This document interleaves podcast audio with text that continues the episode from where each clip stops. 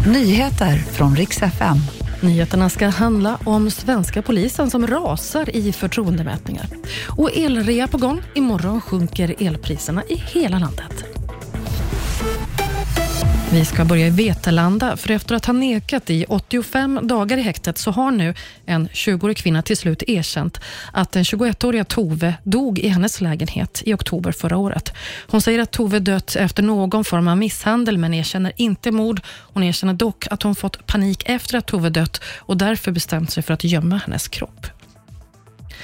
Svenska polisen rasar i förtroende. Det här visar nya mätningar från Demoskop och Aftonbladet. Senaste polischefsskandalen så har gjort att förtroendet minskat med 10 procent. Justitieminister Gunnar Strömmer ser allvarligt på det här. Förra året hade Sverige också 61 dödsskjutningar och en brottsuppklaring på 20 procent. Han säger att det kan varken han eller polisen vara nöjd med. Och år 2022 kan skrivas in i historieböckerna nu som det näst varmaste året som registrerats i Europa någonsin.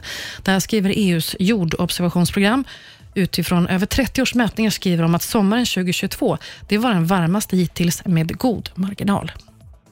Vi avslutar i alla fall med lite positiva nyheter gällande elpriset. För idag och imorgon, till imorgon går det ner till ett spotpris på 63 öre kilowattimmen och det gäller för hela landet. På Aftonbladets tjänst Elguiden, där kan du följa priset timme för timme och hålla koll på vad det kostar mest just nu. Det var nyheterna. Jag heter Maria Granström.